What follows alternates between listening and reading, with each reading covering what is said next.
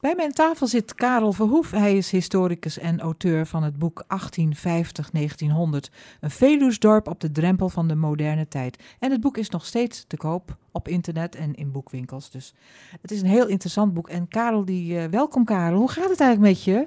Prima. Het is wel een jaar geleden ruim, ja, hè? Ja, ik ben blij dat we hier weer samen zijn. Ja, want je zit hier elke vier weken. De laatste, nee, ja, dus de, de derde zaterdag. Of de tweede zaterdag. Ja, de tweede zaterdag. Ja, zit je hier altijd en ga je vertellen vol enthousiasme over de historie van Ede. Ja. En ik ben blij dat je hier gezond en wel bij me zit. En je mag nu gaan vertellen. Aha. ik begin de, deze keer met een kort overzicht van waar mijn boek eigenlijk over gaat. Want de meeste luisteraars die zullen dat wel vergeten zijn. En aan het eind van mijn verhaal vertel ik ook even welke onderwerpen er hieraan voorafgaand aan de orde zijn geweest. Mijn boek gaat over de geschiedenis van Ede in de periode 1850 tot 1900. Dit is de meest interessante halve eeuw uit de historie van ons dorp. Eeuwenlang is Ede een gesloten, geïsoleerde en zuiver agrarische dorpsgemeenschap geweest, ingeklemd tussen de Utrechtse heuvelrug en de veengebieden in het westen en de zandverstuivingen, heidevelden en dichte bossen van de Veluwe in het noorden en oosten. Slechts bereikbaar via mulle zandwegen en diepe karresporen. In dat dorp bevond zich een homogene, orthodox-protestantse gemeenschap van boeren, schaapherders, dagloners, middenstanders, enkele molenaars, houtvesters en een handjevol notabelen. De burgemeester, de dokter, de dominee en de notaris.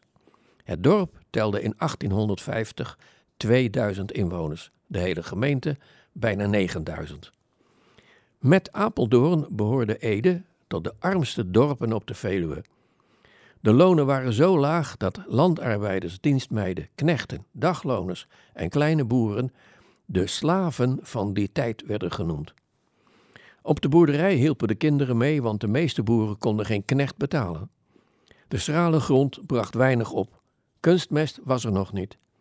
Wat men oogste was voor het eigen gezin en de rest werd in het dorp verkocht. Vaak had men last van misoogsten, door droogte of door te veel regenwater. Er werd dan massaal honger geleden. Aller ogen, zo las ik in een oud boek, werden dan hemelwaarts gewend, want alleen de Heer van de natuur kon de gewenste oogst gebieden. Een deel van die armen woonde in een plaggenhut. In Ederveen leefden van de 76 gezinnen 23 in een plaggenhut.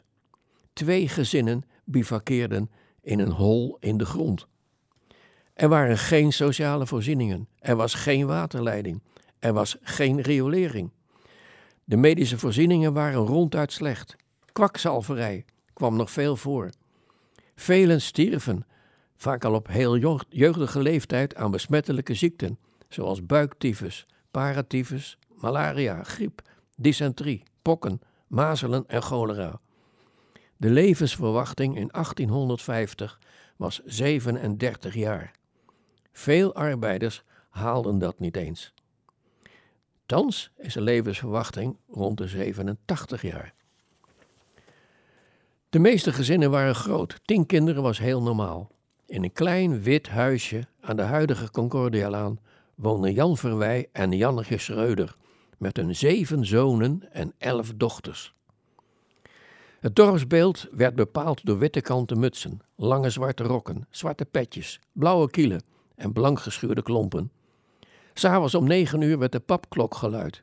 De klok van de oude kerk gaf dan het teken dat het tijd was voor een laatste bordje warme pap. Daarna werden de vuren gedoofd en ging men naar bed. De volgende ochtend, bij het eerste hanengekraai, stond men weer op en begon het werk op de boerderij. De haan was de wekker van het boerengezin. Tussen 1850 en 1900 gaat dat alles heel langzaam veranderen. Het begon met de verharding van de weg naar Amersfoort en Arnhem en met de aanleg in 1845 van de spoorlijn Amsterdam-Arnhem, de Rijnspoorweg die Amsterdam met het Duitse achterland verbond. Daarna kwamen de stoomtramverbindingen naar Bennekom en Wageningen, naar Barneveld en Nijkerk. De belangrijkste zandwegen werden met sintels en grind verhard. Zo werd Eden langzaam beter bereikbaar.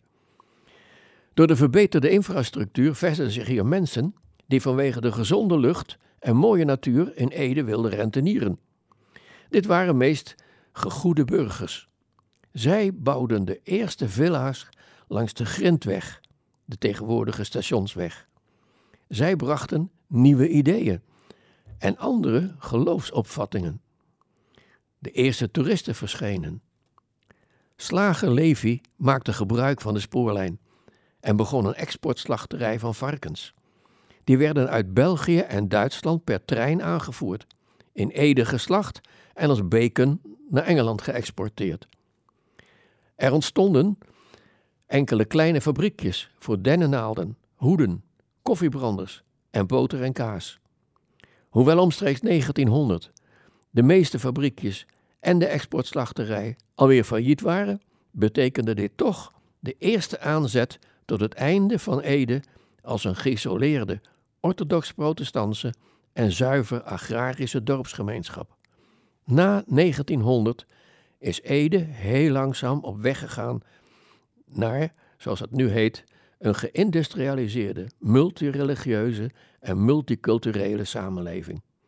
In de vorige uitzendingen heb ik verteld over het boerenleven, de middenstand, het onderwijs, het kerkelijk leven en het gemeentebestuur. De volgende keer gaat het over het zuinige beleid van onze gemeenteraad.